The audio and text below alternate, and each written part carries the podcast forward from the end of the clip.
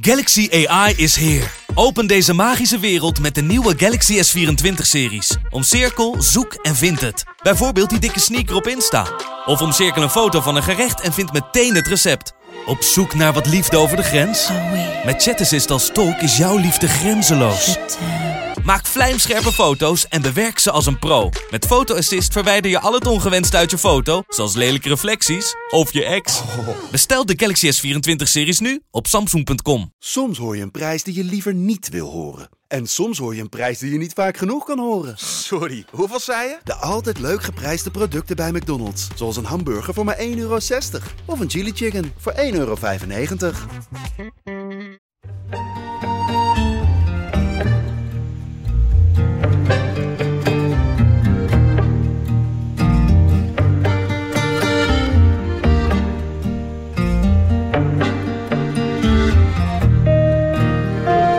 Is iets verschrikkelijks gebeurd net.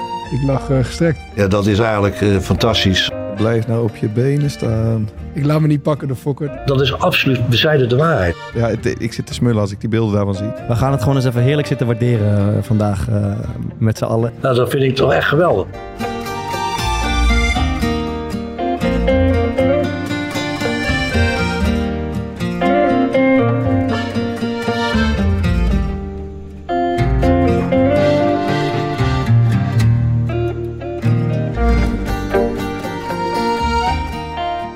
Als de kruiddampen van de verkiezingsuitslag zijn opgetrokken, kunnen we langzaam gaan nadenken over het invullen van de posities. En wat ons betreft kan één plek alvast worden ingevuld. En dat is de post die verantwoordelijk is voor de verdediging van het land. De minister van Defensie. Als er één iemand is die heeft bewezen die verantwoordelijkheid te kunnen dragen, is het onze gast van vandaag. Hij verdedigde zijn clubs en ons land met hart en ziel. Een one-man army. Met hem bespreken we het ambt van de centrale verdediger. Een cursus slopen, domineren en afbreken. Met een van de beste Nederlandse verdedigers ooit. Jaap Stam. Welkom Jaap. Dankjewel. Mooi geschreven. Ja, we zitten... ik zie ook aan jezelf dat je, je bent tevreden met deze. deze ja, je bent er trots op. Minister van de... Ja, ik, ik, ja Hebben jullie dat samen gemaakt, dat stukje? Nee, Nou, Ma- Maarten gooide van de week ineens op. We moeten de aflevering minister van Defensie noemen. Vind ik wel een mooie, En, ja. en toen dacht zeker, ik, die top. ga ik, die ga ik in het introotje Ja, gebruiken. Lekker, weer, weer voor mijn voeten weggemaakt. Heerlijk, dankjewel. Ehm, even Zou je het kijken, doen we- als eh, Frans Timmermans je vraagt? Nee. Uitgesloten, hoor ik. We zitten in, eh, in, in Zwolle in Grand Café. De Staatsman, eerlijk is eerlijk, het is een waanzinnige plek. Het is een eh, oud provinciehuis eh, bij jou in de buurt, Jaap. Dus daarom zijn we hier. Ja. En Glas en loodramen. glas en lood. Echt een mooiere locatie hebben we volgens mij Nee. nog niet gehad tot nu toe. En het is, de luisteraars horen dit op vrijdag. Mhm. de verkiezingsuitslag is dan bekend. Voor ons is het woensdag, dus we hebben geen idee. Eh, maar ik vroeg me wel af, heb je gestemd vandaag, Jaap? Of ga je dat Ik nog heb doen? gestemd, ja. En, en ben je van plan daar iets over te, uit te wijden of hou je het voor Nee, jezelf? ik wil daar liefst, het liefst niet, niet over uitweiden. nee. We hebben een paar jaar geleden, toen we die politieke reeks maakten, hebben we een beetje de thermometer ook in de kleedkamer gest- gestoken. Van nou, zijn die mensen een beetje betrokken? En ik heb dat bij Stedook ook een klein beetje geprobeerd deze week. Maar daar was ongeveer het meest zinnige wat ik eh, eruit kreeg was... Weet je hoe ik altijd stem? Ik stem gewoon random. Dat is gewoon een gozer die gaat iedere vier jaar gaat hij naar de stembus. Of als de Vult dingen zijn. hokje. Ja, dan kijkt hij en dan ziet hij gewoon of hij een mooie naam Welke staan. namen zit er? Ja, ja, goed. Thomas, even een vraagje. Hoe, hoe is het verder? Want eh, er is iets verschrikkelijks gebeurd net eh, hier in, in eh, Café de Staatsman. Jij dacht, eh, ik, ga mijn defensieve skills even wat opvijzen. We, hadden- we hadden een bal gekregen van, eh, van, van Adidas. Dat is een mooie bal. Dus die hebben, die hebben we even uitgetest. Maar eh, ja, ik probeerde jou te passeren. En ik dacht eigenlijk dat ik er al langs was. Maar toen eh, gewoon nog uitsteek ben ik er al langs was. Die bal. En, ja, ik lag eh, gestrekt. Gestrekt in Café Ik de was, ik, was, ik was weer naar beneden gestuurd Ja. om even koffie te halen. Ja. En ik hoorde toch in één keer een kabaal, jongen. Ik denk dat het hele gebouw stort in. Oh, Ze hebben ja. een ruit eruit geschoten. Maar het was, die houten Thomas waar- wil het ook al hier. ja, het was dat is Thomas wie pootje werd gehaakt. Lekker man. Goed, ehm, we hebben het over voetbal, Jaap. En een van onze favoriete eh, onderdelen in het spel, eh, of in de training eigenlijk, maar inmiddels ook in de podcast, is de rondo. De welbekende rondo waar vooral wij Nederlanders erg van houden. Ja. Ehm, en de vraag die wij eh, af en toe stellen aan onze gasten, eh, zeker gasten die op niveau hebben gespeeld. Met welke spelers eh, uit jouw carrière zou je, als je nog één keer zo'n mooie rondo op een zonnige eh, zaterdagmorgen kan spelen, met wie zou jij eh, die rondo vormen? Ehm, hoeveel, hoeveel moet ik er noemen? Ja, een stuk of vier, vijf. Stukken Ja. vier, vijf. Dan, dan, ehm, dan denk ik eh, een Numan. Ja. Arthur, ook Ja. voor het sfeertje. Want Arthur, dat is iemand die is, die is er altijd bij. Als er een beetje gekkigheid is of er moet gelachen worden. Of stommiteit eh komen naar voren, dan is, dan is Numan Dus van de partij. Dus ja. je moet hem en voor een dolletje. Dat is in de ik wel een van rondo- de laatste die ik had verwacht. Ja, nee, maar, maar in en, en het is en, en eh, goed, buiten dat was het ook nog een hartstikke goede voetballer. Ja. Een, eh, een linksback. En eh, een jongen, denk ik, die, die, van, die, ja, die heel belangrijk is geweest bij mij eh, in het elftal bij PSV ook. En in het Ja. Nederlands elftal ook. En nog steeds een vriend. Dus, dus dat is ook enorm belangrijk. Ja. Eh, dan denk ik eh Seedorf.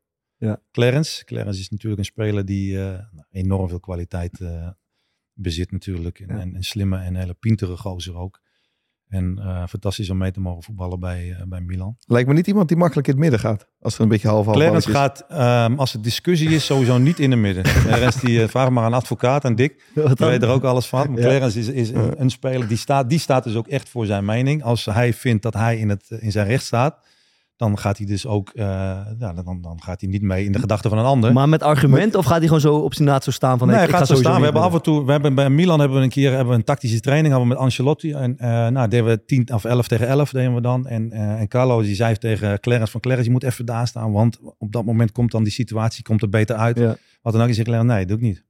Maar Claire, ga nou even gewoon daar. Nee, dat doe ik niet zitten. Ja. Maar waarom wil je dat niet? Waarom doe je dat? In een wedstrijd doe ik dat ook niet. Ga ik ook niet daar positie kiezen als ja. de balbezit daar is of de tegenstander heeft daar, daar balbezit. Het verkeerde positie is, ga ik niet staan. Dus uiteindelijk moest hij van het veld af. Wat dan ook, met, met heel veel uh, problemen. Daarna komt het wel weer goed, wat dan ook. Maar Clarence die staat echt voor zijn, uh, zijn principe. Dat, dat zijn in de rondo wel vaak echt sfeerbepalers. Ja, dat klopt. Ja. Die zijn vrij irritant af en toe. Ja, want je en ziet dan dat, kan het, en dat dan- balletje ertussen invallen Ja. en dan gaat hij uit en dan zie je al, dit gaat mot worden. Ja, dat, dat, dat, dat weet je. En, en, en nog één, als we dan op de volgende komen, is Roy Keane. Die moet in het midden, denk, dacht ik zo. En, Ja, die moet in het eh, midden, dacht eh, ik. Ja, maar als we die in de midden gaan zetten, dan, dan ongetwijfeld dan houden we een klein groepje over. Ja, ja. Maar is, dat, is, is zo iemand, als je bijvoorbeeld een rondootje of zo speelt, ook een beetje gezellig? Of is het, want die beelden die ik Ja, kijk, maar hij is, hij is heel gezellig. Ook vooral als hij zijn, zijn, zijn gelijk krijgt. En uiteindelijk speelt hij alleen maar die ballen keihard in.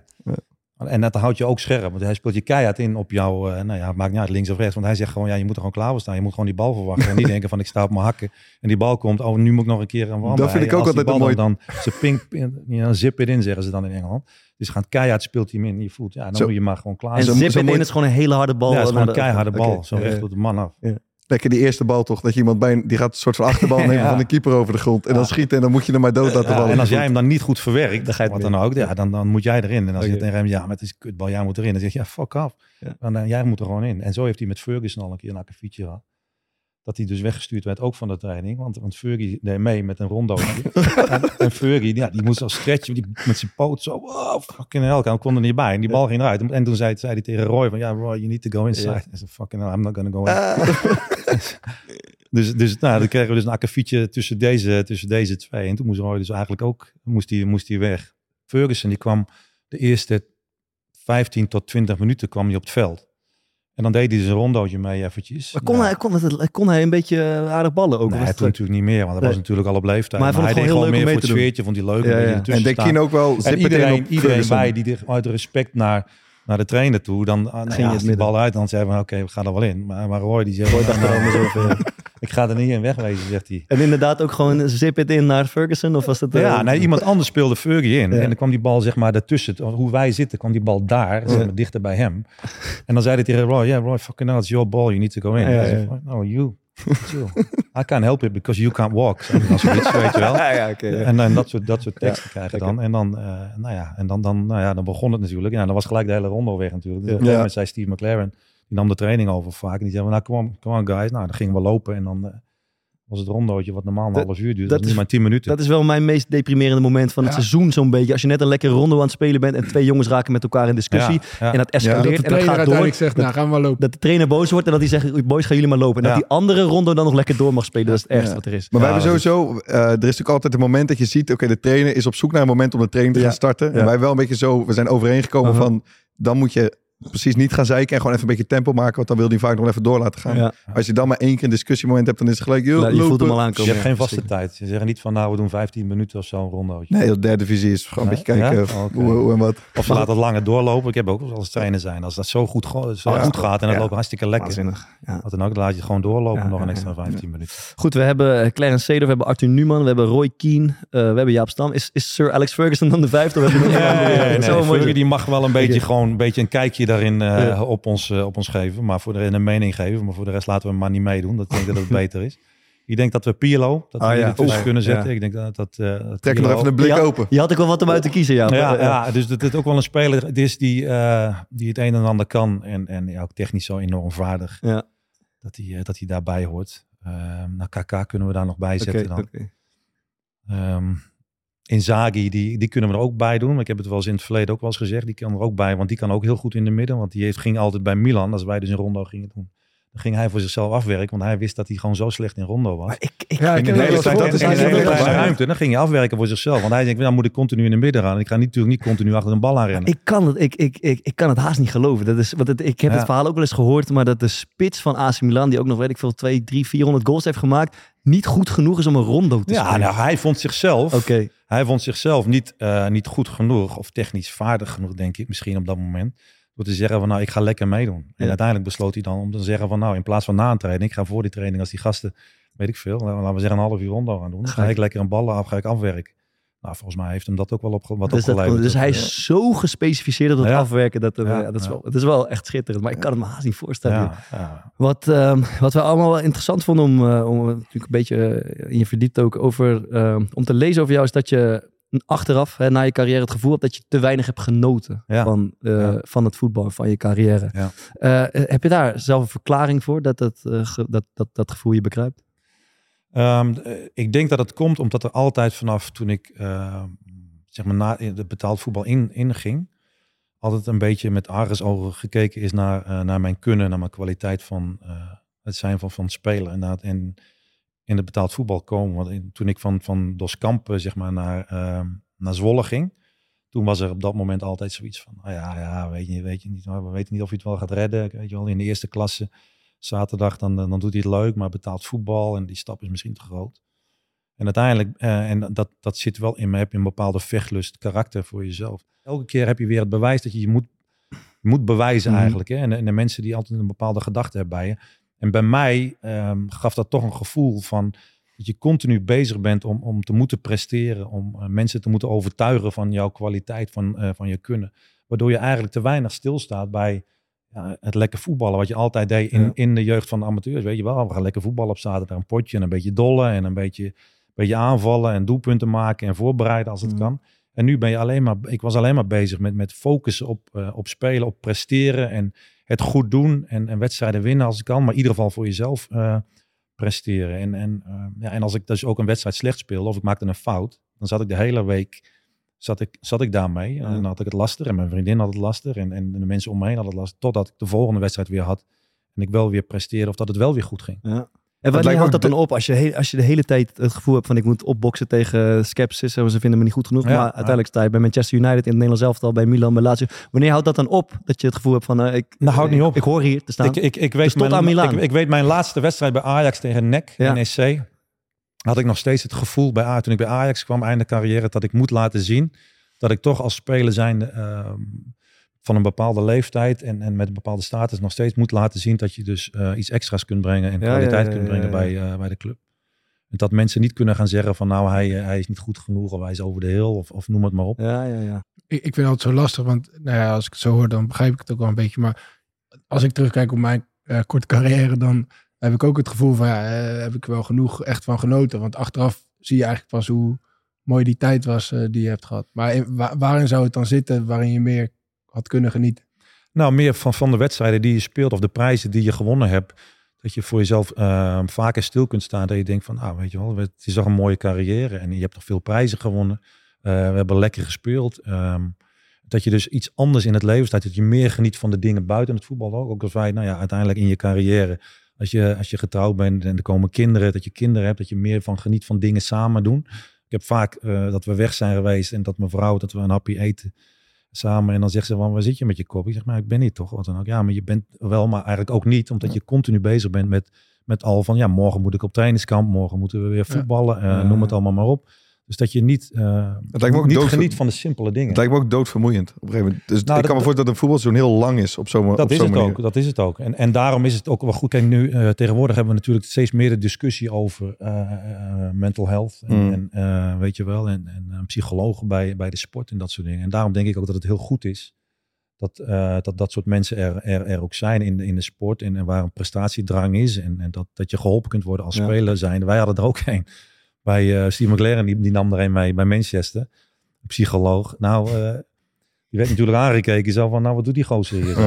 En eh, je denkt er niet, en Roy Keane die denkt er niet dat ik bij die gast ga zitten. Ah, ja. uiteindelijk... Uiteindelijk ehm, liep hij er niet bij en, en was het niet zo dat hij zei van nou maak altijd een afspraak of je moet één keer in de week met, met hem zitten om, om te discussiëren of te praten over bepaalde situaties of, of over jezelf. Maar ehm, je ziet ook, en, en dat was bij mij- met mijzelf zo en met Roy ook zo, dat mensen toch wel naar hem toestappen om gewoon even een gesprekje te hebben over van nou hoe is het en dit en dat en zit je ergens mee of wat dan ook. Nou ja, waardoor hij toch bepaalde adviezen kon geven waar je misschien Ja. sommige dingen iets makkelijker eh, ging.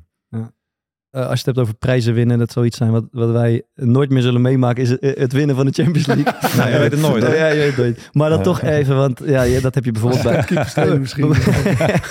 maar dat heb je bijvoorbeeld bij. Manchester United meegemaakt. En Ja. eh, hoe, hoe ziet voor ons beeld, hoe ziet de avond, de nacht na het winnen van een Champions League finale eruit? Eh, nou, dat is, het is heel moeilijk om aan te geven als je heel veel gedronken hebt, moet ik je eerlijk zeggen. Dat gebeurt wel. Maar Ja. ja, nee, maar ja, kijk, het, het is een enorm, dat, dat was een enorm seizoen geweest. En in de laatste tien dagen van dat seizoen hadden we dus die drie wedstrijden waarin we dus de treble konden treble, winnen. ja. Dus dat was enorm eh, eh, eh, intens, zeg maar, die, eh, die dagen om door Ja. te komen en van wedstrijd naar wedstrijd toch werken en niet te veel denken aan, als je met de ene wedstrijd bezig bent, dat we de Champions League finale over tien dagen hebben. En dan na de tijd dan met de fans op het veld heb je... eh, ik, ik, nou ja, goed, hoeveel fans waren er? Er waren 110.000 mensen waren volgens mij in, in eh, Camp Nou. Oh, in Barcelona heb je dat in Barcelona, ja, ja. die, eh, in dat stadion. Nou, Prima waren- stadje toch? Ja, zo. ja, maar je komt niet eens in de stad. Weet je wel. Dus uiteindelijk, ja, dit zijn de 60, 70.000 uit, uit Manchester die, die, die, die kwamen.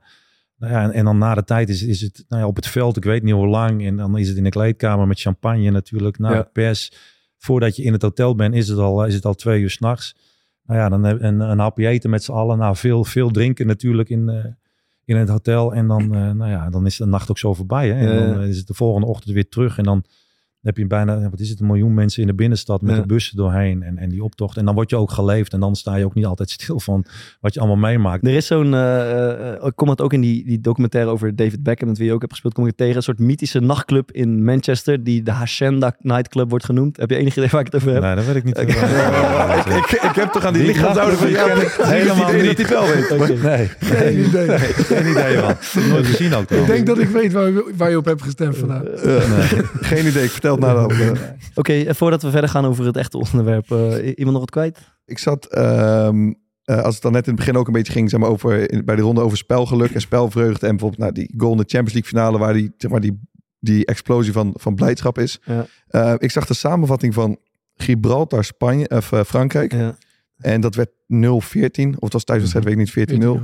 Ehm, maar wat ik daar zo bijzonder vond, dat vond ik echt heel erg leuk om te zien, is dat die, eh, die Fransen, die waren echt een soort van in extase na bijna ieder doelpunt Ja. dat ze maakten. De viering bij die goal van Giroud gingen ze echt helemaal los. Ja. Dat was ook een fantastische Ja. goal trouwens. En, ehm, en het, er zaten een paar hele mooie doelpunten bij. Ja. En ik heb wel eens eh, nagedacht over of het dus eh, ooit gaat wennen om een hele mooie goal te maken. En Giroud maakt volgens mij de 13-0 ja. met een, met een omhaal, maar wel van heel dichtbij. Maar die gaat echt zeg maar, los alsof die... Ja. weet ik voor het, wacht, dat ze, eh, dat ze haalden. Oh, dat zou goed kunnen, ja. En, maar dat vond ik gewoon heel grappig om te zien. Dat zij Ja. dan ook, dat, eh, het is het grote Frankrijk, hebben de WK-finale gespeeld. Ja, ja, ja. Eh, En die gaan dan tegen Gibraltar. Ze zijn al geplaatst, ze hebben alles al gewonnen. De man is ook 33 of zo. op, maar dat moment. mooi. En het, ze staan al 12 naar voren. Het maakt allemaal niet zoveel uit. Iemand maakt een mooie goal en iedereen stormt daar zeg maar Ja. op af. Ja. Eh, daar heb ik wel van genoten. Blijf dat doen, zullen we, zullen we zeggen. Ehm, ja, dan het... eh, eh, Zeg jij tegen Olivier Giroud, blijf het doen. Blijf het doen, Olivier. Ja, man. Keep it going, mate. Keep it going. Iemand verder nog wat kwijt? Ja, ik, Wat dan? ja, grote droom is werkelijkheid geworden. Vertel. Eh, we mogen van Sky Showtime eh, series kijken en daarvoor vind je eh, lekker, reclame maken.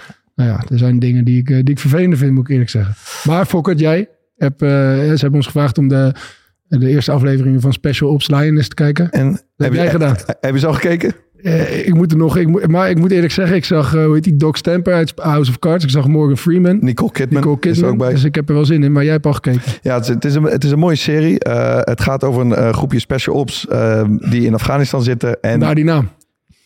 Je bent heel erg scherp.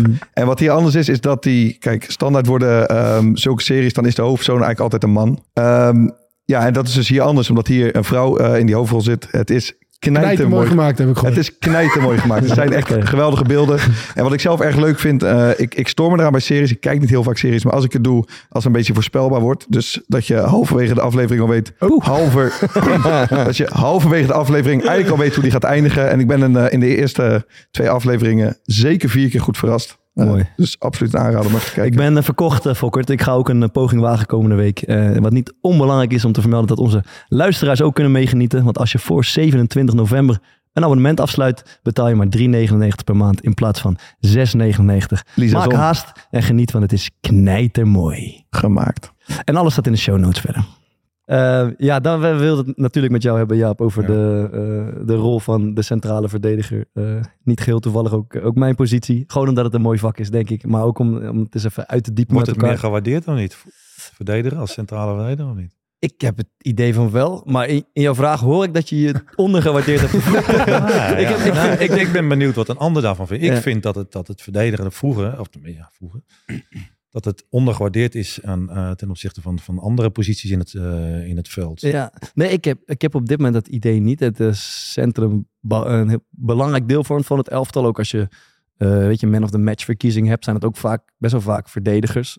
Ik denk zelfs in die ranglijsten met die, met die punten bij VI of Mhm. weet ik veel wat, sluit niet uit dat daar ook regelmatig verdedigers heel hoog staan, denk ik. Ik weet niet of jij dat volgt, Thomas. Dus ik heb, ik heb dat gevoel zelf niet echt. Maar jij, jij, jij, jij dacht... Maar is het dan door, door de buitenstaanders of ook door mensen eh, intern? Nee, nee het, is- het is gewoon mijn, mijn vraag aan jou, Mhm. hoe jij erin staat. Ik vind het wel interessant hoe anderen eh, daarover denken. Ja, ja, Ik, ik vind dat vanuit het, ja, vanuit het verleden is het natuurlijk werd altijd maar een beetje, ja, hoe zeg je dat, neerbuigend gedaan Ja. over het vak verdedigen Ja, in, in, ja, het, ja. in het algemeen. Ja. Vooral in Nederland. Of eh, ook in andere. Ja, en, en in Nederland meer denk ik. Nog steeds, als je naar het buitenland, in het buitenland bent of in Engeland of in Italië bent, dan is dat verdedigen vrij hoog aangeschreven. Ja. In Italië is dat sowieso natuurlijk, of tenminste stonden altijd wel bekend natuurlijk om hun verdedigers. Ja. Maar eh, in, in Nederland, ja, wij, wij, nou ja, dat weten we allemaal. In Nederland moet een verdediger natuurlijk alles beheersen over Ja. het algemeen. Mensen, Ja. wij vragen heel veel van een verdediger. Zeker, ja. Niet alleen de verdediger, maar ook aan de bal. En het, ja, het indribbelen, het, het inpassen, het zien, het communiceren van. Is dat, is dat objectief meer dan in het buitenland? Dan in Engeland of in Italië bijvoorbeeld? Nou, het, het, is, het is in Nederland vragen wij veel meer Ja, van de centrale verdediger dan in het buitenland. In het buitenland, ik, ik, toen ik bij, Manchester eh, kwam en toen eh, op een gegeven moment hadden wij een wedstrijd en ik, ik heb die bal achterin. Dus en ik denk van, nou weet je wel, ik doe hetzelfde als wij in Nederland ook doen. Ik dribbel gewoon met die bal helemaal naar voren. Dus ik ga gewoon, loop gewoon die middenvelders voorbij met ballen en al. En ik kijk gewoon of ik gewoon iemand gewoon voor die goal kan zetten als als. Nou, er stond Fergie, die stond daar, die stond daar langs de lijn te briezen als een dolle stier. Dat doe je. En die zegt, fucking hell, ja, get, fucking get back in there. Die- Want wij hebben andere spelers die dat doen. Dus ik Ja. moest gewoon die bal inleveren aan Scholes bijvoorbeeld. Ja. En dan hij moet gewoon het, vel, het, het spel uit gaan, aan gaan zetten als centrale verdediger.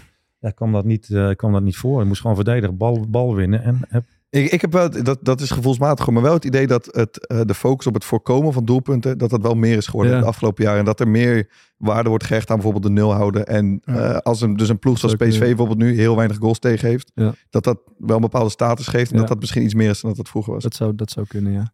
Eh, en we gaan het toch vandaag... Ja, het is wel- niet mee eens. Nee, jawel, jawel. Nee, ik, ben, ik ben het wel eens met wat, wat jullie eh, ook zeggen. Alleen ik vind het wel interessant om, om, eh, om te horen van nou, wat een ander denkt over Ja. het vak eh, verdedigen en hoe er tegenaan gekeken wordt.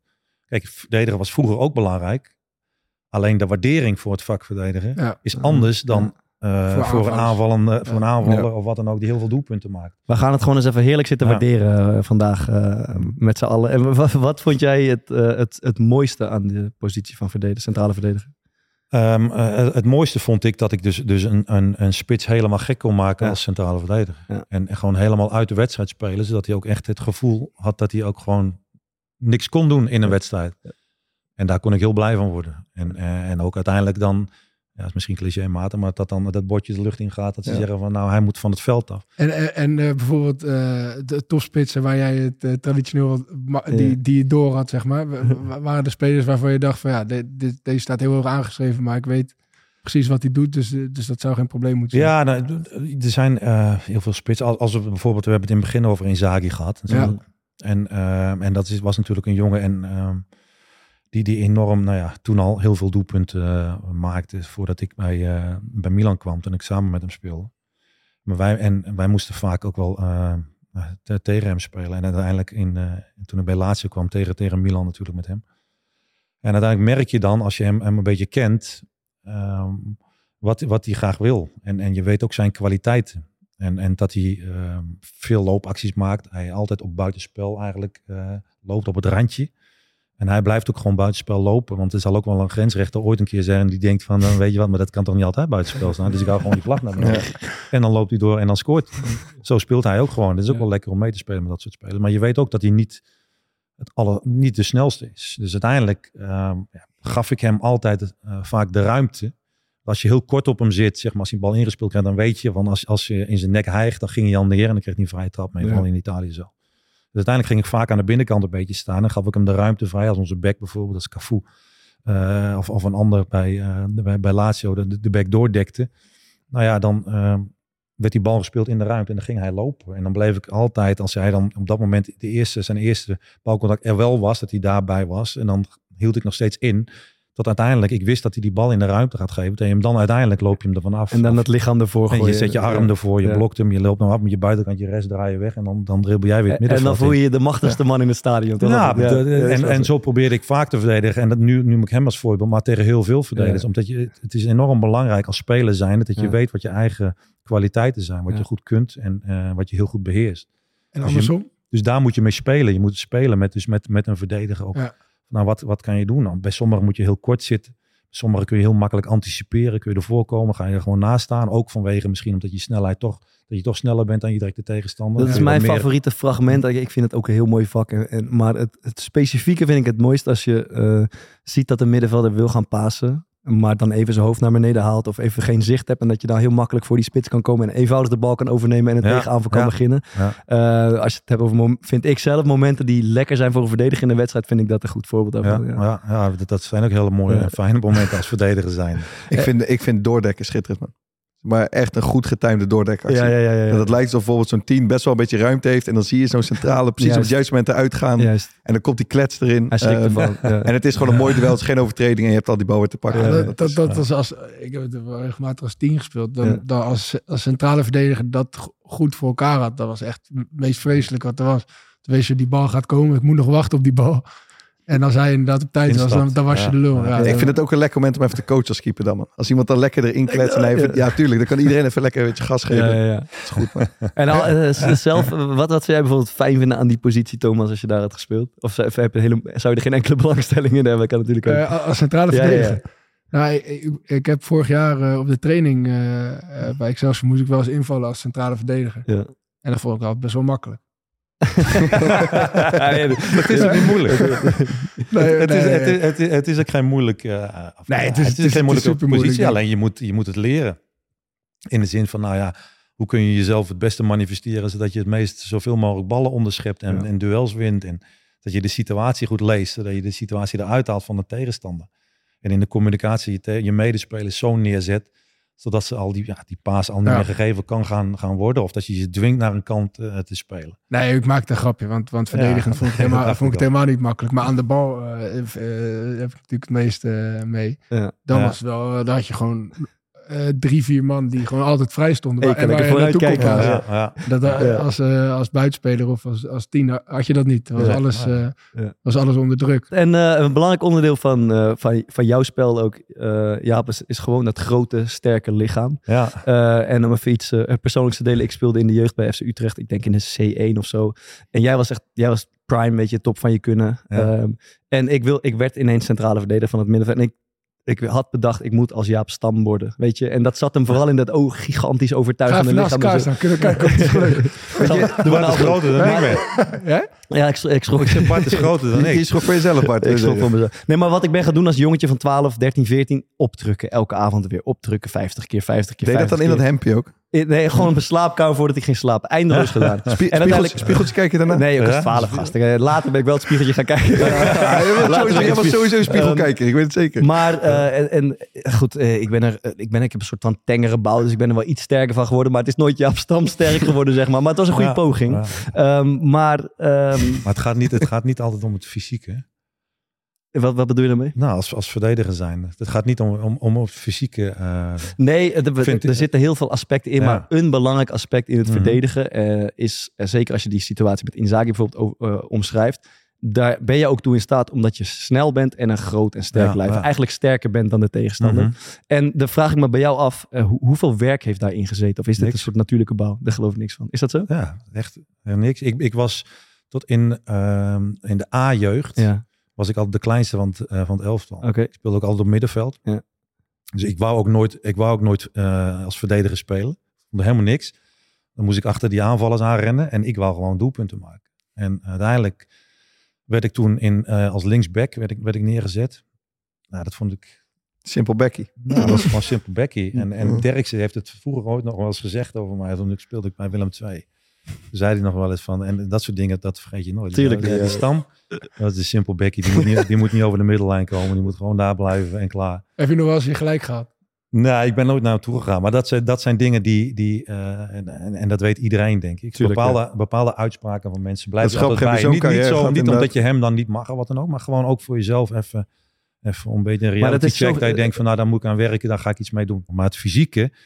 Ja, uiteindelijk toen ik dus in, in het eerste bij Dos Campo kwam, toen, toen, ja, toen, ben ik gaan groeien eigenlijk. En eerst werden die benen, de benen werden zo. En toen Zo, was het bovenlichaam nog of zo. blue. Zonder eh, met door, Ja, te nou, ja, ademen. misschien, en, misschien eh, veel eten. boerenkool of wat dan ook. Ik weet het ook niet bij ons in het boerenland, aardappelen. Ja, Maar eh, en, en, en uiteindelijk toen ik dus ja, het betaald voetbal inkwam, is het allemaal gewoon ontstaan. De krachttraining deed ik nooit. Ik deed nooit krachttraining. Bij Zwolle niet, bij Cambuur hebben ja, misschien één keer voor de benen. Frits Korbach die wou heel graag dat wij met, eh, met die apparaat aan de slag gingen. Ja. Nou, Frits lag er meer onder dan wij zelf. dus uiteindelijk... Ik had er eh, alles van horen van Frits Korbach. Frits Dat- die zat altijd, dan lag je daar aan die dingen, deed hij altijd de leg press. Dan kwam die aan en dan zaten wij met z'n allen in die gym daar in, Le- in Leeuwarden. Toen zei ik, kom jongens, even wegwezen met z'n allen. Dan ging hij eronder liggen met Jackie, beentjes eronder, zoveel mogelijk gewicht al, eh, in één keer erop. Iets van, nou, van bijna 200 kilo. en dan deed hij, wow, ah, twee, zo jongens, en nu jullie weer, zit hij dan. Ja, dat had hij gedaan. Mooie man was dat. Maar uiteindelijk deden wij dat, ja, dat, dat, dat vrijwel eh, niet. En in, in, in Tilburg niet, bij PSV hebben we eigenlijk nooit eh, krachttraining gedaan. Bij, bij Manchester toen de tijd was helemaal niks. Steve McLaren die kwam en die ging voor het eerst stretching doen voor de training. Nou, die werd helemaal verrot gescholden door Scholes. Want die zei van, van nou, wat stretching zet hij van. Nou, we hebben ook gepresteerd zonder dat je er was, hè, zonder stretch. En uiteindelijk in Italië, bij Milan, einde van carrière, Ja. nou daar deden we eigenlijk meer in de revalidatie ook van, eh, van krachttraining. En daar waren ze echt van krachttraining, het Milan Lab en noem het allemaal maar op. Maar. Daarvoor eigenlijk, dus dit is nooit. een, een soort eh, natuurlijk wonder wat zich bij jou heeft eh, voltrokken. Ja, dit, dit kunnen is toch ontstaan op Ja. een of andere manier. Maar toch, ja. ik, toch heb ik eh, Ja. ook gehoord, ik weet niet of het waar is, dat kan je nu bevestigen, dat jij bij Ajax, de, toen je later bij Ajax ging spelen, dat jij de man was van 500 buikspieren per dag. Ja, nou heel veel of buikspieren dan we dan na een training op het veld deden. Maar door jou, dat heb jij geïnitieerd, heb ik begrepen. Ja, ik, ik ben, omdat we natuurlijk bij, eh, bij Milan dat, dat, dat veel deden. En, en uiteindelijk heb ik dat toen meegenomen. en ja, dan is het ook een bepaalde gewenning die je dan, eh, die je dan hebt. Ja. Dat je dus na de training eh, even wat buikspieren, vooral op het veld in de voorbereiding doet. Nou, en, en eerst doe je dat alleen en daarna, eh, wat is het, Johnny Heitinga komt erbij en Wesley en dan wat andere gasten Ja. erbij. En uiteindelijk liggen we met z'n allen daar. Ja, en vet. dan, eh, Zo werkt het wel. Eens. is, dat Milan Lab denk ik ook, ook dan de verklaring waarom zoveel spelers daar eh, tot hun eh 38ste, 40ste door zijn gegaan? Of, of zit nou, dat weet ik niet. Want volgens mij is dat nu ook weer een beetje wat minder eh, geworden. Als ik, dat Ja, zo, omdat, als ik het zo om- begrijp. omdat wat ik begrijp bij Manchester United werd er helemaal niks aan gedaan. En Nee. Milan wel. Dus dan, dan, dan lijkt het me logisch dat ja, ze daar langer door daar, daar werd wel enorm veel de focus gelegd Ja. op het gezond blijven en, Ja. en, en eh, gezond eten en ehm, eh, het behandelen van, van je lichaam voor de training, na de training. Dat kennen wij in Engeland natuurlijk helemaal niet.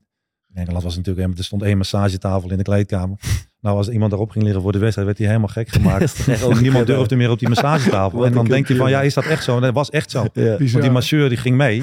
Jimmy ging mee en die stond gewoon, oké Jan, ja, oké guys, massage. Zet hij, nou, en dan eh, nobody. Ja, niemand durfde gewoon op die tafel te gaan liggen. Mooi, mooi. Even, even één eh zijwegje hoor, want eh, je praat natuurlijk de hele tijd over Milan nu. Heb je wel eens eh, de- in je, tijdens je carrière wel eens Playstation eh, gespeeld of deed je dat nooit? Ja, ik heb, het, ik heb het wel eens gedaan, maar niet zo heel veel. Nee. Als je ja, aan Jaap Stam denkt en AC Milan, waar denk je dan aan?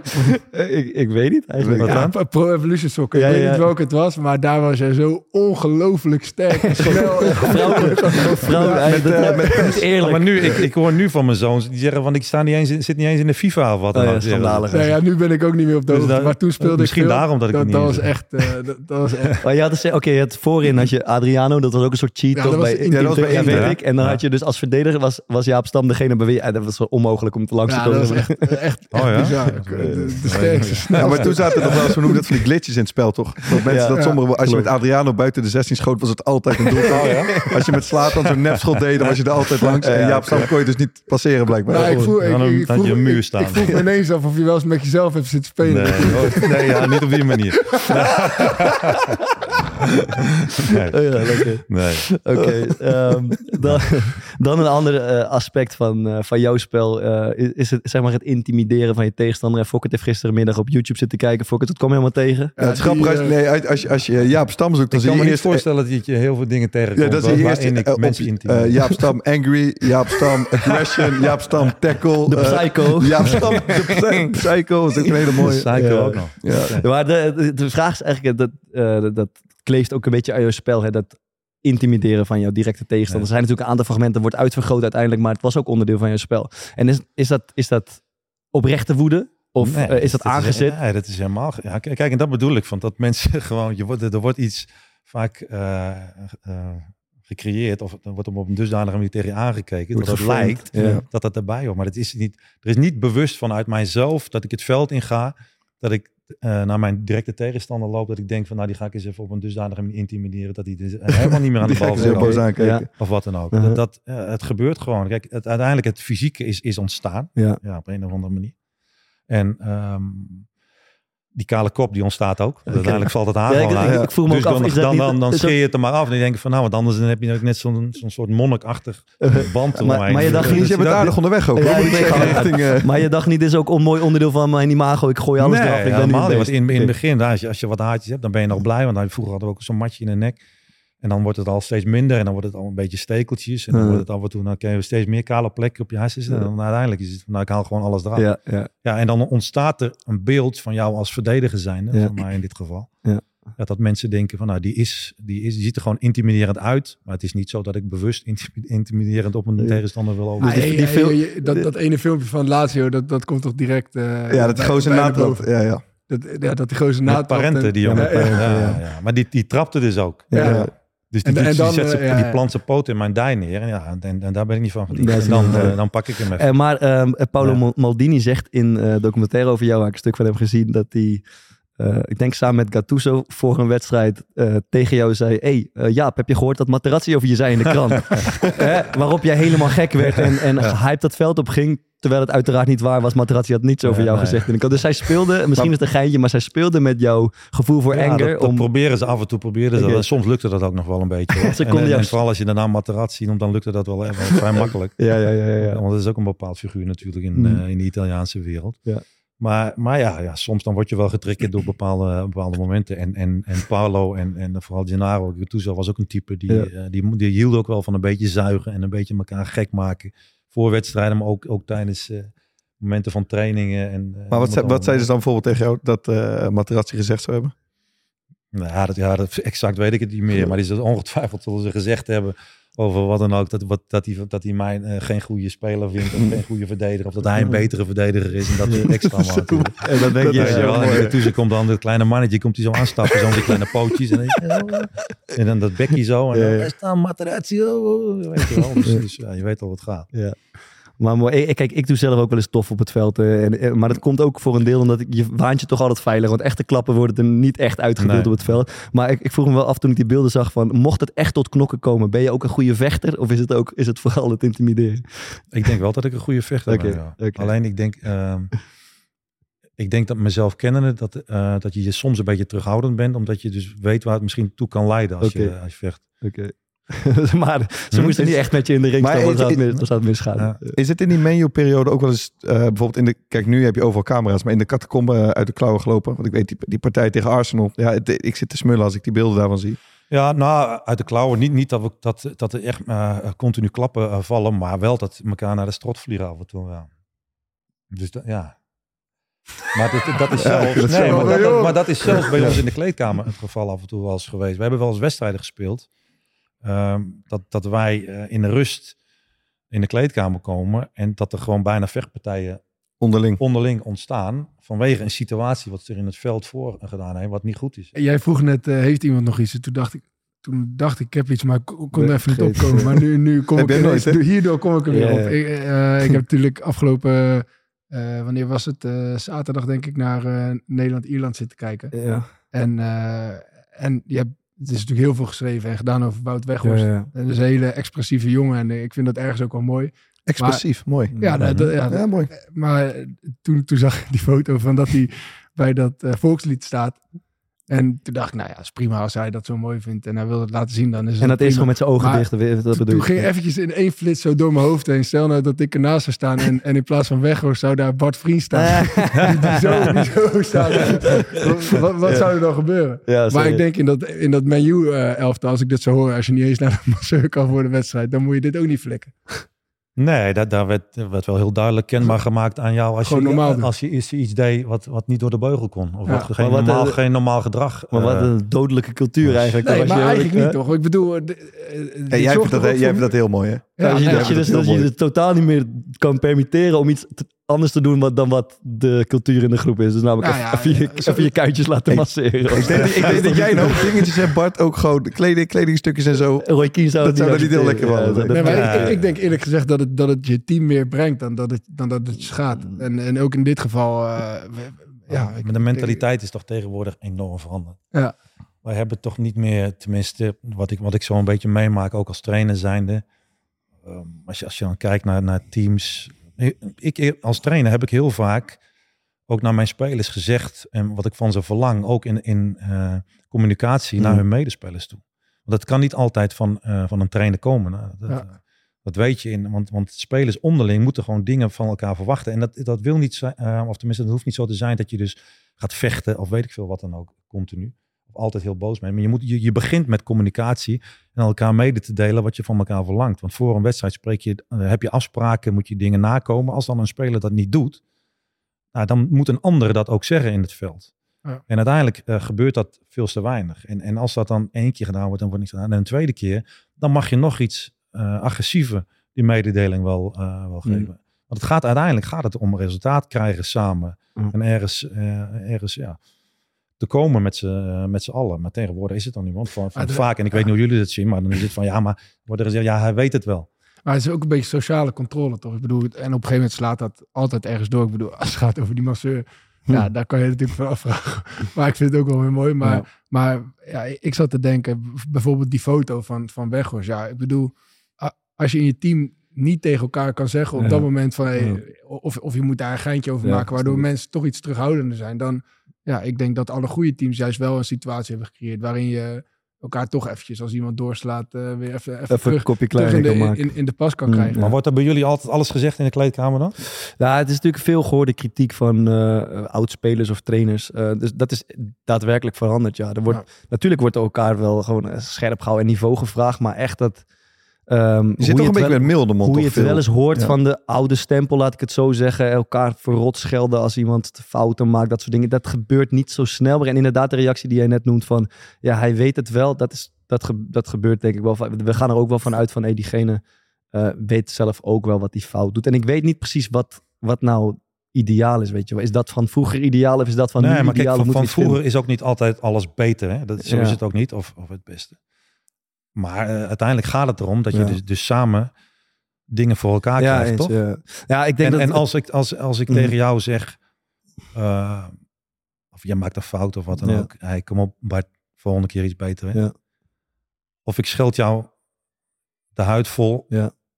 En, eh, en, en hoe, hoe, hoe ga jij, hoe denk, Nou, jij, ik- hoe ik- denk jij ik- dan dat jij reageert? Re- Ja, kijk- Reageer dan dat je helemaal afsluit?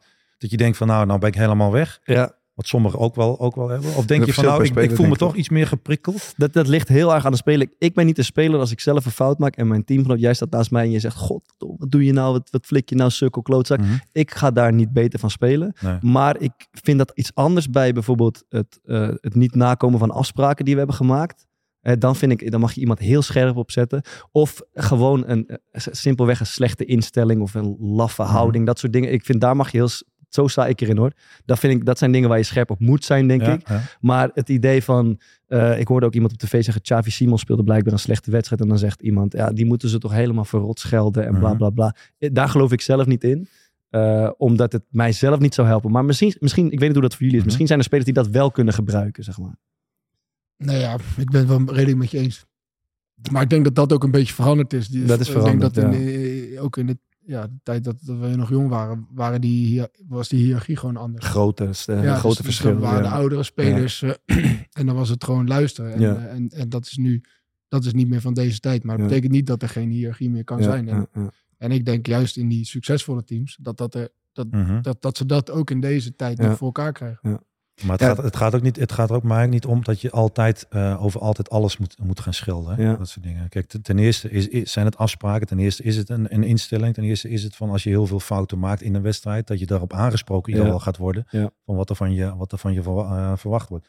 Nog eh, heel veel terug naar de aspecten van het verdedigen, zeg maar. En een van de mooiste onderdelen wat ik zelf vind is ehm, eh, partnerships. Dus als je het idee Mhm. hebt dat je het samen doet, weet je, dat je met je maatje in een verdediging en je keeper vaak een soort eenheid vormt die het samen oplossen. Eh, heb jij, eh, herken je dit en wie was jouw favoriete verdedigingspartner? Ik herken het heel goed. Ehm, en ik had het bij Manchester met Ronnie Johnson. Ja, En Toen had, ehm, hadden wij het heel goed. Wij, wij wisten heel goed onderling van ehm, wa- wat wij deden. Als wij wie, de, wie er ging eh, doordekken, wie er kort ging zitten. Ja. Doorstappen naar het middenveld bijvoorbeeld. Als we door gingen dekken, een van de twee. is dat, is dat communiceren of is dat ook iets Dat is in het begin is het heel veel communiceren. Is Ja. het heel veel met elkaar bezig zijn. Ehm, uiteindelijk worden het automatismes als Ja. je met elkaar bezig bent. Dus Ja. dan, dan, dan zie je aan elkaar al van nou ligt er ook waar de bal zich bevindt. Op welk gedeelte van het veld. De bal gaat bijvoorbeeld bij een tegenstander naar de rechterkant. Ja. Als hij links speelt of ik rechts. Dan, dan zag ik al van nou dan ging hij al wat korter. Ging hij al een half beetje instappen eigenlijk. Voor het moment dat hij in het middenveld in moest stappen. Of ervoor. En dan kwam ik al een beetje zo schuin daarachter. Ja, Als die bal er dan overheen ging kon ik al die ruimtes achter hem zelfs al dicht, dichtlopen. Dat, dat, dat, dat, dat voel je wel. Uiteindelijk blijf je wel altijd communiceren. Maar dat is wel het fijne als je dus, dus met, met iemand samenspeelt die dat ook kan. Hè? Dus, dus ook dat je de kwaliteiten van elkaar heel goed, Mhm. heel goed weet in wat ze moeten beheersen, wat ze moeten doen. Bij, bij Lazio en later bij Milan had ik dat samen met Nesta ook. Toen we dus samen speelden. Was allebei ook spelers die, die heel goed konden verdedigen in een grote ruimte. één tegen één, een heel, Ja. hele grote ruimtes. Dus wij konden wat meer risico's nemen. Ook vaak ten opzichte van elkaar. Want dat hij gewoon, nou we gingen gewoon één op één spelen. Ja. Overal. En als die bal er overheen komt, nou dat wisten we wel wat, wat de een ging, eh, ging Ja. doen. En, en ja, af en toe speelde, speelde Paulo eh linker centrale ook. En af en toe speelde ik ook wel als rechtsback bij Milan. Als, Ja. als Cafu er niet, eh, er niet was. Dus, dus dat soort dingen, ehm, ja, die, die, die, die, die leer je. Ehm, spelers met ervaring, die pakken heel veel dingen op. Dus je hoeft niet altijd in alles te communiceren wat dat betreft. In, in situaties op te lossen. Maar het is wel fijn dat je, dat je dus met jou, met je partner in eh, centraal, dat Ja. je dus, dus, dus weet van wat de ander doet in bepaalde situaties. En, en maakt het nog wat uit of je, of je elkaar op persoonlijk vlak ook mag, zeg maar? Of je graag met elkaar eh, door een deur kan? Of, of is dat eigenlijk geen enkel onderdeel van het eh, succes? Nou, ehm, in, in communicatie kan dat schelen, denk ik. Ja. Dat, hij, dat wat eerder wat aanneemt van jou. Als je Ja. een normale relatie hebt, laat ik het zo zeggen, in het Ja. elftal. Maar wij hebben bij, bij Manchester bijvoorbeeld hebben we ook eh, spelers gehad, Cole en Sheringham. Nou, die konden helemaal niet met elkaar overweg, maar die Ja. moesten toch samen spelen. Ja. Twee spitsen. Dus die voelde, die voelde wel heel goed aan wat de een deed. De een ging inzakken, ging de ander diep. Of, Ja. of de wisselwerking van, van elkaar en de Ja. loopacties in, eh, ten opzichte van elkaar. Ehm, dus het hoeft niet, niet altijd, maar ik denk wel dat het een voordeel, eh, voordeel is als je wel met elkaar goed overweg kunt. Ja. Hoe, hoe is dat voor jou? Eh, Ik denk dat het niet zoveel uitmaakt. eigenlijk. Eh, dus ja, het gaat me. Het is bijna voor mijn gevoel. Het is eh, heel veel communicatie en inderdaad gewenning. En uiteindelijk is het bij ook soms voetbal is wat anders dan de kleedkamer, toch? Op het veld kan je Mhm. ook soort, best wel een soort, laat ik zeggen, een chemische verhouding hebben met elkaar. Alsof het Mhm. heel makkelijk, eh, alsof je heel makkelijk automatisch van elkaar begrijpt wat het is. En dat kan in, in de kleedkamer het tegenovergestelde zijn. Ja. Ik denk dat, dat dat gevoel, eh, dat gevoel heb ik Ja, het is wel grappig. Je ziet als keeper best wel goed. Bijvoorbeeld aan het begin van het seizoen, als je eerste paar wedstrijden gaat spelen. En de bal wordt door de tegenstander snel van links naar rechts gespeeld. Dan gaat die linker schuift mee een stuk naar de linkerkant. Ja. En die rechter blijft iets te ver hangen. Of die linker stapt iets in. En, die, Ja, ja, en je ziet gewoon constant dat die, dat, die af, dat die verhoudingen niet kloppen. En dan heb je, je bent een paar weken verder. Of je hebt een aantal competitiewedstrijden op zitten. En dat duo's op elkaar ingespeeld. En dan gaat het als zo'n, hoe noemen ze dat, zo'n soort harmonica. harmonie. Ja. Prima, je hebt zelf de bal, het gaat uit elkaar, het klopt. Als de bal, ze sluiten eh, samen aan. Je weet op het moment dat de linker doorstapt, gaat, en die doet dat vaak, gaat die rechter iets achter zitten. Ja. Ehm, en het grappige is, als dan een keer iemand gewisseld wordt of er raakt iemand geblesseerd, dan merk je dat dat voor die twee anderen die niet veel hebben samengespeeld, dat het toch altijd weer Mhm. even aftast is. Ja, ja, Dus dat er dan weer van die situatie komen. En het luistert natuurlijk heel nauw. Want het is, je kan het wel trainen op, eh, tijdens een training. Alleen dan wordt het stilgelegd. Dan ga je even kijken hoe en wat. Maar in een wedstrijd gaat het natuurlijk heel snel. En als er dan een keer anderhalve meter te veel tussen zit. Zijn, zijn het ook basisdingen, denk je? Jawel, jawel. Want normaal is, is de basis bij iedereen is, is Als de beval aan links zit, dat je meebeweegt, dat het aan linker centrale zit daar ongeveer. Ja, hij heeft ook met niveau En, te en dan maken. de absoluut- rechter, absoluut en, met niveau ja, de maken, rechter ja. zit, zit daar een Ja. beetje en dan komt de rechtsback komt, komt iets naar binnen. Het heeft ook te maken, wat je zegt met niveau, het heeft ook te maken met eh, kwaliteit van een, een centrale individu. Want je hebt ook centrale verdedigers die zeggen, want ik heb ook wel eens in wedstrijden gespeeld, dan ben je zelf, ehm, stel je altijd ten opzichte van jouw medespelers zo op dat je altijd rugdekking kan geven. Ja. Dus als die bal er overheen Ja. gaat of hij zit mis of wat dan ook, ben jij er altijd om te zeggen van oké, als je mis zit, dan ben ik erachter, pak ik hem op of ik loop er dicht. Wat dan ook. Ik heb Ja. ook wel eens weg, maar dan denk je dat voor jouzelf, voor mij in dit geval, als je dan doordekt van nou oké, dan zit er iemand achter mij. Ja. En dan denk je, maar er is niemand. Ja. Exact. Denk- Ja. En dan sta jij er slecht op. En dan, dan, dan, scoort hij, dan Ja. scoren zij. En dat is wat je zegt. Dan zeg je, godverdomme, die stam die verdedigt ook. Die stapt maar zo in. Ja, daar. precies, dan denk je van ja, Ja. maar, maar ook vanwege omdat sommigen eh, niet durven, omdat ze andere kwaliteiten hebben. Dus je hebt ook heel veel centrale Ja. verdedigers die denken van, weet je wat, mijn spits is daar. Maar de bal is aan die kant. Dus ja, ik blijf me toch Ja, maar wel ja. een beetje bij hem in de buurt. Ja. En ik laat hem niet los. Want stel dat ik hem loslaat hier. Ja. Ik kom meer centraal. En hij heeft dan de ruimte. En ze halen hem eruit. En dan Ja. kan hij zijn loopactie maken. En dan ben ik gezien. Dan ben ik weg. Ja. En precies dan ontstaan er juist gaten. daar word, je, daar, word, daar word, ik, ja. word ik als keeper heel nerveus van. Als Ja, dus een ja, eh, spits niet aan de balkant gaat staan. Ja. Dat je dan centraal naar binnen coacht. Maar je merkt inderdaad aan van ik durf Hij hem durft niet. Nee, dat Nu, klopt. want dan moet eigenlijk die back moet erbij komen. En Ja, dan, het ja. lost zich wel op. Want anders komt het gat tussen die twee centralen. Eh, het is grappig. Het is inderdaad echt een angstding. En je ziet het. Je kan dan... ehm, normaal als je iemand coacht en je coacht hem links, links, links. Ja, dan zet hij altijd wel een paar stappen. Ja. Maar als je iemand op een gegeven moment... En bij ons komt er een hond kijken. En je hebt vijf keer links geroepen. en dan gaat hij naar links. Dan weet je, dat gaat hij gewoon niet doen. Dat er niet Ja. zitten. Nee, nee, nee. Eh, is, er is, er gaat ook zo'n verhaal dat da- op dat specifieke dingen, die onderlinge afstanden, dat defensieve blok, dat daar vooral in Italië heel veel op getraind wordt. Ja. Klopt? Eh, heb je die ervaring Ja, ook? wij, wij trainen wel heel veel op. ehm, het, het is niet echt tactisch, maar het, is- het is meer een beetje Man- eh, Mancini bij, bij Lazio toen ik hem als trainer had. Die, die liep dan met een bal eigenlijk een beetje door. Dan had hij zeg maar twee elftallen. Staat er Ja. wel met, met, niet tegen elkaar, maar wel met elkaar. Had hij dan, en dan liep hij met een bal er doorheen. En als dan een bal aan de ene kant van het veld gespeeld werd, zit hij een aantal mensen daar neer. En dan moesten wij een beetje reageren op elkaar Doodzaai zodat we natuurlijk. konden zien eigenlijk dat de onderlinge afstanden, afstanden dat die goed waren. En als hij dat dan niet vond, dan zei hij van nou, je moet iets meer naar binnen of je moet iets meer knijpen. Ja. Eh, noem het maar op. Vroeger ging wel het verhaal en dan was het ook wel zo dat sommige trainers, Saki bij Milan, dat ze met elastieken en dat Ja, soort dingen eh, wel, wel, weet je wel, onderling. hebben wij ook nog gedaan. Ja. Toch, Eh, als je 4v2 gaat spelen, doen uh, trainers Ja. dat toch wel eens. Ik weet niet, Met die grote elastiek op het Ja. veld staan. Ja. Ja, dat de afstand onderling Ja. hetzelfde blijft. En dan Ja. gaat zo'n trainer gaat inderdaad een bal de hoek in knallen en dan ga je met z'n allen. Ja. Nee, je moet ook terug om te zien eigenlijk, maar het heeft wel een soort van... Weet je wel, dus, het is, dus, er wordt wel heel veel de nadruk werd er wel op gelegd in, in onderlinge afstanden ten opzichte van elkaar. Wat natuurlijk wel enorm belangrijk ook is. Alleen soms kun je ook wel, wel, wel kijken een beetje van, nou, dat je een beetje kunt inschatten van, nou, ik kan misschien toch een beetje nog hier blijven, Ja. want mijn snelheid, Ja, precies. mocht die Ja. bal daar komen, dan kan ik het nog alsnog belopen en ik kan toch nog wel een beetje deze ruimte Ja. Een beetje dicht houden. Ja. Zijn er voor jou zelf nog eh, dingen geweest in Italië waar, die, die je meekreeg van medespelers of trainers waarvan je dacht van hey, dit heb ik helemaal eh, bij PSV Manchester United nooit gedaan. Nee, nee, ze hebben in, in het leren van, van het vak verdedigen niet. Eh, wel dat ze in het begin zeiden van dat ik minder agressief moest zijn in het verdedigen. Is meer afwachten. Dus ik moest eerst wat meer passief zijn, omdat eh, in Italië eh, iedereen die je aanraakte, die ging naar de grond. Dus in het begin krijg ik, ik weet niet hoeveel overtredingen tegen. Dus ik, ja, je wil instappen, dat ben je Ja. gewend in, Ita in Engeland. En, een tackle en een sliding als het kan, of je kunt anticiperen. Maar ja, in Engeland kwam ik dan, dan liep je tegen iemand in, bam, lacht hij weer. Hup, overtreding tegen, hup, volgende keer weer. Dus uiteindelijk gingen ze mij ook zoeken Ja. na de eerste paar wedstrijden. Want ze wisten natuurlijk van als je bij hem in de buurt komt en hij gaat instappen, ga je neer en krijg je een overtreding mee. Ja. Dus ja, En dan riep die trainer, blijf nou op je benen staan.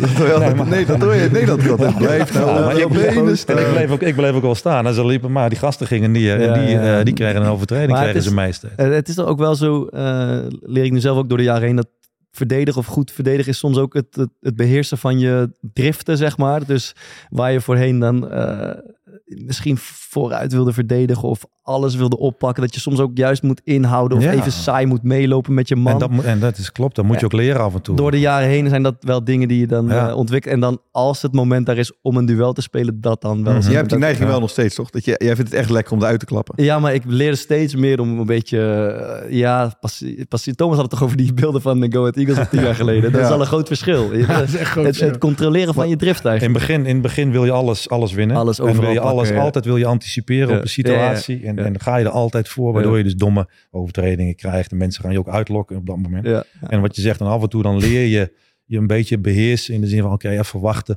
op het juiste, op het juiste moment. Het mooiste vond ik altijd, het lekkerste vond ik altijd... als ik iemand dus, dus nou ja, niet zo mocht.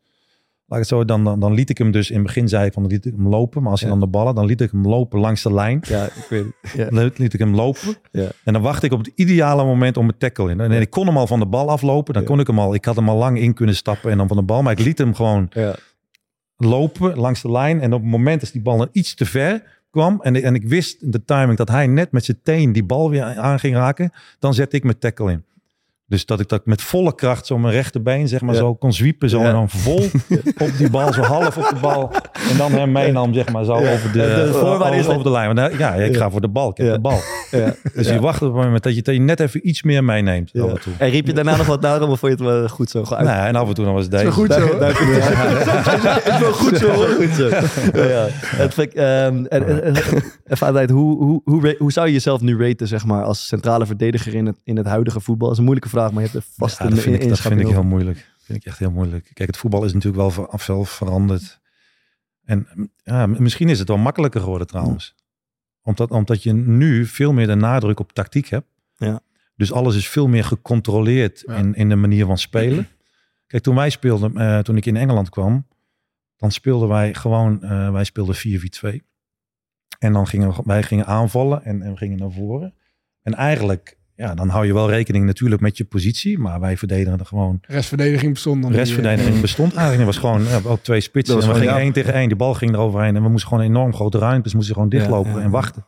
En nu wordt er gezegd van oké, we gaan in een blok. We zakken in 4-4-2, 4-3-3. Buitenspelers ernaast of ertussen. Eh, twee zittende middenvelders ervoor. Ja. Wachten, wachten, schermen, schermen. En, en nu zie je niet meer zo heel veel dat je denkt van ah, oké, weet je wel, in hele grote ruimtes moeten verdedigen van Ja. verdedigen.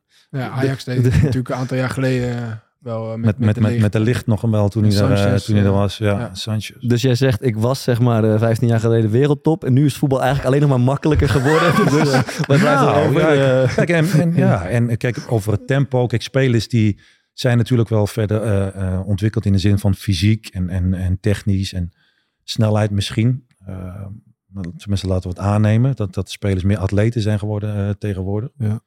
Maar eh, Ja, dus met jouw aanleg en ze doen ook nog krachttraining nu. als ik nu krachttraining erbij had gedaan, dan was het helemaal kaas hier geweest. Nee, nee. maar ik, ik ga even een Ja. Geneetje doen. Eh, ja, is het Manchester City? Is het Real Madrid? Of is het Nee, eh, dat weet. Napoli? Ik vind, ik, vind dat, ik vind dat heel moeilijk. Laat ik het zo Basten gehad, die, zei dat hij beter zou zijn geworden dan Cristiano Ronaldo. Ja, nou, Tot goed, ik- 38 ik- door was ik- geweest. Kijk, ik, ik, eh, ik ben wel heel overtuigd van mezelf dat ik wel eh, op het allerhoogste niveau mee Kijk, we, hebben nu heel veel centrale verdedigers bij het Nederlands elftal. Jij is gewoon op je top van je kunnen, zou je spelen nog? Goeie Dat vraag. is mooi. Nou, Bart, heb je toch weer... eh, Goeie- heb je clickbait, jongen? Oké. Dan, ehm, voordat we Denken de- jullie niet dan? Ja, ik ben ervan Ja, overtuigd. wel, ja, ja. overtuigd, ja. Ja, eerlijk zijn. hè? Master van de opstootjes erbij. Wat, ik zie het helemaal Hoewel. Virgil van Dijk natuurlijk ook een fenomenaal goede verdediger Virgil is ook Ja. een goede verdediger. Ja. Absoluut. Ik Hij komt niet in de buurt van Jaap Stam, Bart. Goed, kom staat genoteerd. Staat genoteerd. Voordat we naar de eh, aanraders gaan, eh, hebben wij toch even mooi nieuws eh, te vertellen. Want theater gaat weer gebeuren. We gaan het nog een poging We geven. gaan het nog een poging geven. Eh, eens toch, Thomas? Gaan we het gewoon Ja, doen? ja, ik heb er weer zin in. We hebben er weer zin in. Net zoals We vorige gaan, keer. eh, vorige keer hebben we dat ook gedaan samen met het Haags College. eh, weer in het nieuwe Luxor in Rotterdam Ja. staan. Nu met iets heel anders. We gaan een eh E- Kork Podcast Live EK special eh, maken. Een EK-editie doen. En er zijn vanaf nu kaarten verkrijgbaar. Dit moment. Dus eh, ja, trek je oranje pak aan, Thomas. 7 mei. Molen, molen op je kop. Molen op je kop. Ja, Thomas, Thomas, komt met, Thomas komt met oranje molen op zijn kop. Lekker man. 7 mei. We gaan het EK gewoon eh, eh, vieren. We gaan er een speciale editie van maken. Weet je, de voetballersblik. Thomas heeft vorige keer een vrije trap genomen in een vol theater. Ik ben Hoe benieuwd wat hij deze keer Oh, ja. Ja, ja, ja. uit zijn oranje hoed gaat toveren. Dus ja, wees welkom, want we gaan het eh, over, over EK voetbal hebben. Kan zomaar mooi worden. Kan zomaar mooi worden. Hoe, hoe ga jij dat eigenlijk doen, varen in dat theater? Nou, Bij die vorige theatershow had ik mijn telefoon gewoon uitgezet. En, eh, en was ik onbereikbaar. Maar met kinderen thuis, eh, je, je weet inmiddels bijna hoe dat gaat. Ehm, wil je toch bereikbaar blijven. Dus ik heb nu eh, een, smartwatch met Vodafone One Number genomen. Zodat ik gewoon die hele, hele show connected ben. Dat is een goed spul, hè? Dat foto van One Number. Ja, stop. Ik bedoel, als iemand me nodig heeft, eh, misschien, eh, ja, misschien komt, er- belt er wel een mooi clubje tijdens het. Ja, maar nooit. Ja, dan, dan ben, ben je toch connected. Fokker, zat het ook weer met die, met die Het, e-sim. het is heel makkelijk. Je hebt gewoon een, eh, je, je krijgt een eSIM en die koppelt de smartwatch aan je huidige abonnement. Het is zo ontzettend makkelijk. Kind kan de was doen. Kind kan de was doen. Ja, Vodafone.nl slash one number. Alles staat er nog steeds op. Ja, Ik weer heb voor de derde week op rij die website gecheckt. Ja, ja, ja, het staat er nog steeds op. Sterk. Zullen we naar de aanraders? Mooi. Oké, eh, ja, we zijn even bezig. Eh, zeg het maar, Jaap. Eh, een plek, hè? Toch? Whatever, Ja, alles is Een mogelijk. plek hier, Ja. nou toevallig. En, en eh, mijn dochter heeft een restaurant geopend in Zwolle. Affect heet dat. Ja. Affect, Ze hebben met, met, eh, met het eten natuurlijk en het culinair bezig zijn. Ja. Dus die zit aan de Torbekkengracht. Ik denk dat, een, eh, dat dat een leuke plek is voor de mensen, zeker hier in, in omstreken. Nou, ik denk in heel Nederland om daar naartoe te Ik gaan. zie jou er nog wel. j- Jij was hier toch ook eh, een aantal maanden geleden in Zwolle voor het eten? Ik, ik, ben een, eh, ik ben een keertje in de Libraïe gaan eten. Nee, je zeker. bent er gaan ik coworken gewoon. Toch met je laptopje gaan zitten in librairie. En ik begreep dat, af, dat is ook een beetje haute cuisine, toch? Affect. ja, je het is fine dining, ja. Maar Fine het, dining. het is niet het, het, het niveau, of het niveau. Kijk, ze hebben allebei bij de Libraïe gewerkt, dus ze weten wat het, eh, Ja. wat het met zich meebrengt. Ja. Maar ze willen niet op, op, op die standaard eh, koken en, en bezig zijn. Dat moet wel, wel iets toegankelijker zijn voor het, eh, voor het publiek. Maar wel heel lekker eten. En het is gezellig en het is een warme sfeer. Dus wat dat betreft is het voor de mensen die op zoek zijn naar iets anders. Een Ja. ander restaurantje met wat andere ideeën. Zou dat een leuke plek zijn om naartoe te gaan. Goed verkocht. Gaan we een keertje doen. Thomas, wat heb jij, eh, wat heb jij meegenomen? Ja, ik heb, weer, ik heb weer mijn best gedaan. En ik ga, en ik, ga eh, ik, ik laat me niet pakken door Fokkert, want die, die, gaat het, die gaat het weer afschieten. Maar eh, ik was afgelopen zaterdag moest ik met, zo onder 21 tegen Spartaan 20, onder 21 spelen. En Heb je al ik, grensrechten eigenlijk? eh, ja, ik heb een grensrecht. eh, die heeft zich via de podcast heeft zich aangemeld. En die, eh, die, Diederik heet die. Die was, eh, die, die was erbij eh, zaterdag. Samson, Die- lekker. Shout-out. Die, die heeft zijn debuut gemaakt. Mm. Eh, maar ik was bij Spartaan en ik had me vergist in de tijd. Eh, en dat horen ze thuis nu pas. Daar zullen ze niet blij mee zijn, want ik ging op, eh, op, spitsuur eh, 's morgens weg met de kinderen. Eh, en ik was dus eigenlijk een uur te vroeg. Maar ik was dus een uur te vroeg bij Spartaan 20. En ja, toen, ik zeg ja, ik ben een beetje vroeg, maar er zijn nog mooie wedstrijden. En het speelde onder Spartaan eh 20, onder 15 speelde tegen Volendam. En onder 14 speelde tegen Vitesse. En, en ergens speelde nog de onder 9 tegen Feyenoord. Dus ik zou zeggen, als je in Rotterdam woont of omstreken, ga eens een keer op zaterdagochtend of zaterdagmiddag gewoon richting Spartaan 20 op Rotterdam Zuid. Ik vind het, ik, ik bedoel, je kan er van alles van zeggen. We zaten in de kleedkamer, de helft van het team paste er niet eens in. Eh, Eh, je- we speelden tegen, we hebben nog eigen grensrechten. We speelden tegen grensrechten. Die, die stak bij werkelijk iedere lange bal zijn vlag omhoog. ja. Eh, Zelfs bij maar- achterballen van de keeper. Nee, maar toch. Kijk, ik bedoel, Rotterdam-Zuid is niet de meest welvarende stukje Rotterdam van, eh, van, van de stad. En eh, ze weten daar toch al jaar in, jaar uit een jeugdopleiding neer te zetten. Die Ja, goed, gewoon ja. kan meten met, Mm. eh, Ja.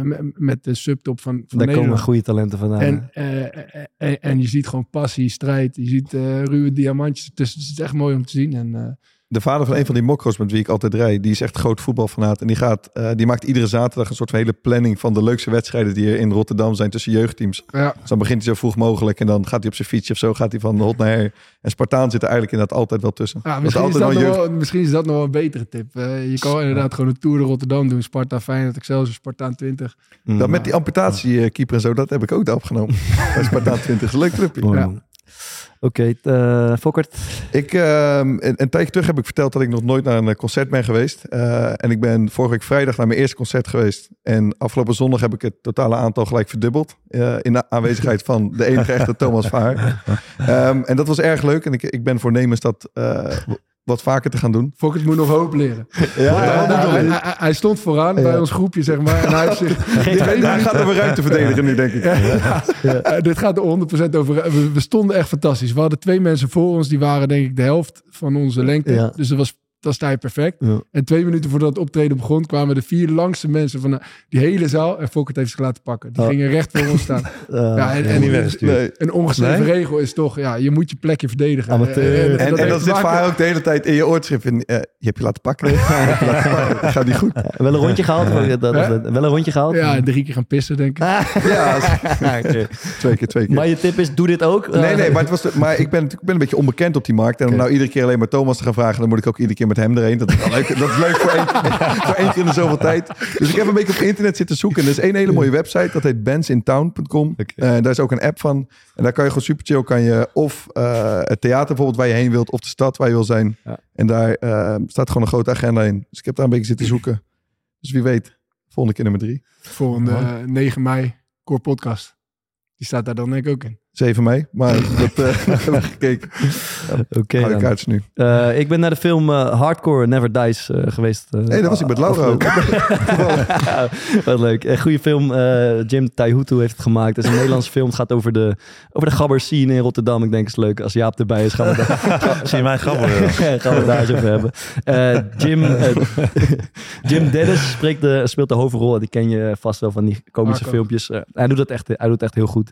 Het is meer venir een misdaadfilm dan echt de, de, de gabber house cultuur uit de jaren negentig een beetje eh, naar voren komt. Maar het is, het, is, eh, het is soms best wel grappig. Het is gewoon, Fokkers, je hebt het ook gezien, het is gewoon eh, tof om naar te jeugd, kijken. hè? En hij draait nu in de bioscoop. En het is toch een beetje jouw jaren negentig. Het is een beetje jouw Ja. Had jij- een. Aussie vroeger? Nee, Nee? ik had wel een trainingspakje, maar ik ging er niet zo bij staan. Kan ik je wel vertellen hoor. En de, de, de hardcore heb je nooit, heb je nooit echt nee, getrokken? dat heeft me nog nooit echt, echt getrokken, moet ik eerlijk zeggen. Oké. Ja, dat een mooi bruggetje denk ik. Welke muziek dan wel? Oh ja, top. Nee, Ja, ja, ik, ik, ik, van heel veel muziek. Hou van heel veel muziek. Wel rockmuziek vind ik wel heel eh, plezierig hoor. Metallica vind ik leuk. Pearl Jam vind ik goed. Ja. Chili Peppers vind ik goed. Ramstein. Kijk aan. Ken je dat niet? Jazeker. Thomas Ja, gaat naar eh, concerten. concerten. Ja? Ja, Ja, dat vind ik heel mooi. Maar ik vind andere muziek, andere muziek, popmuziek vind ik ook jaren tachtig muziek. En dat heeft ook een beetje natuurlijk met de jeugd te maken. Trekt mij enorm, vind ik hartstikke leuk. Als we er nou één moeten kiezen waar we de aflevering mee gaan afsluiten, wat gaat het zijn? ja. Dat is wel lastig hoor. Ramstein toch? Dan of niet? Welke Ramstein? Ja. Nou, weet ik niet. Ik, andere, ik vind één nummer, en dat is me van, van vroeger ook bijgebleven. Dat is Bruce Hornsby and the Range, The Way It Is. Oké, Vind ik een fantastisch nummer.